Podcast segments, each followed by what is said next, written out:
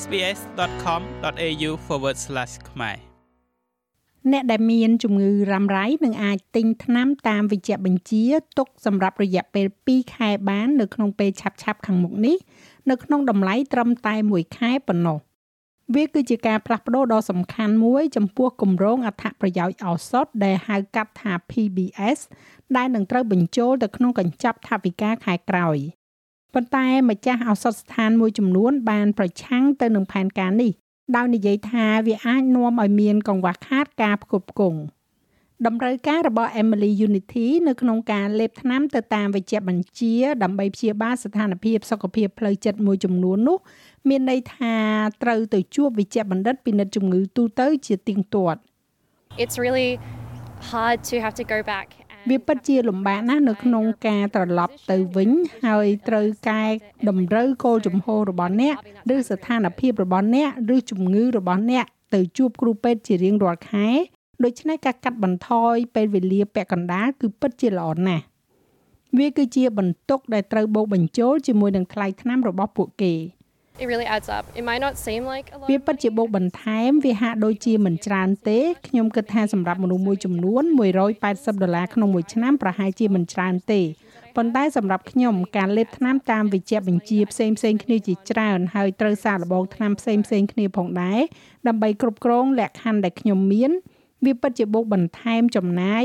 ហើយវាគ្រាន់តែជាប្រាក់ដែលខ្ញុំគួរតែអាចចាយទៅលើការជួលផ្ទះឬក៏អាហារការសិក្សាឬការងារឡាក់ ប៉ុន្តែវានឹងផ្លាស់ប្ដូរជាមួយនឹងដំណឹងល្អមួយចំនួននៅមុនកញ្ចប់ថវិកាដែលត្រូវបានប្រកាសឡើងដោយរដ្ឋមន្ត្រីក្រសួងសុខាភិបាលសហព័ន្ធ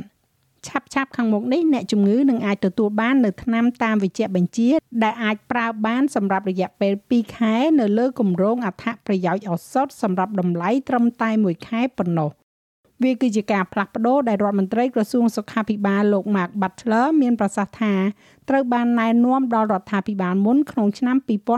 2018 Patients uh, who are very stable in their condition អ្នកជំងឺដែលមានស្ថិរភាពក្នុងស្ថានភាពរបស់ពួកគេនឹងបានប្រើប្រាស់ថ្នាំទាំងនេះអស់រយៈពេលមួយរយៈមកហើយនោះនឹងអាចទទួលបាននូវការផ្គត់ផ្គង់ថ្នាំរបស់ពួកគេដោយគ្រាន់តែទៅជួប GP តែម្ដង ជាជាងការទៅជួប2ដងហើយការទៅជួបអសតការីចំនួន6ដង ជាជាងទៅ12ដងជាក់ស្ដែងវាពាក់ព័ន្ធទៅនឹងការរំខានតិចតួចជាងមុនសម្រាប់អ្នកជំងឺ វានឹងកាត់បន្ថយសម្ពាធដែលយើងដឹងថាមានសារៈសំខាន់ទៅលើវិជ្ជាបណ្ឌិតពិនិត្យជំងឺទូទៅផងដែររដ្ឋាភិបាលប៉ាន់ប្រមាណថាមនុស្សប្រហែលជា6លាននាក់នឹងកាត់បន្ថយចំណាយថ្លៃថ្នាំរបស់ពួកគេបានពាក់កណ្ដាល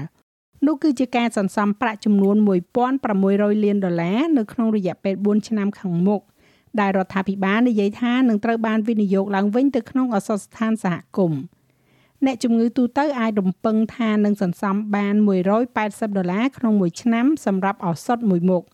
ខណៈពេលដែលអ្នកដែលកាន់បានសម្បទាននឹងសន្សំបានជិត44ដុល្លារលោកស្រី Elizabeth Divani មកពីវេទិកាសុខភាពអ្នកប្រើប្រាស់នៃប្រទេសអូស្ត្រាលីនិយាយថាការផ្លាស់ប្ដូរនេះគឺជាការផ្លាស់ប្ដូរដ៏សំខាន់មួយ។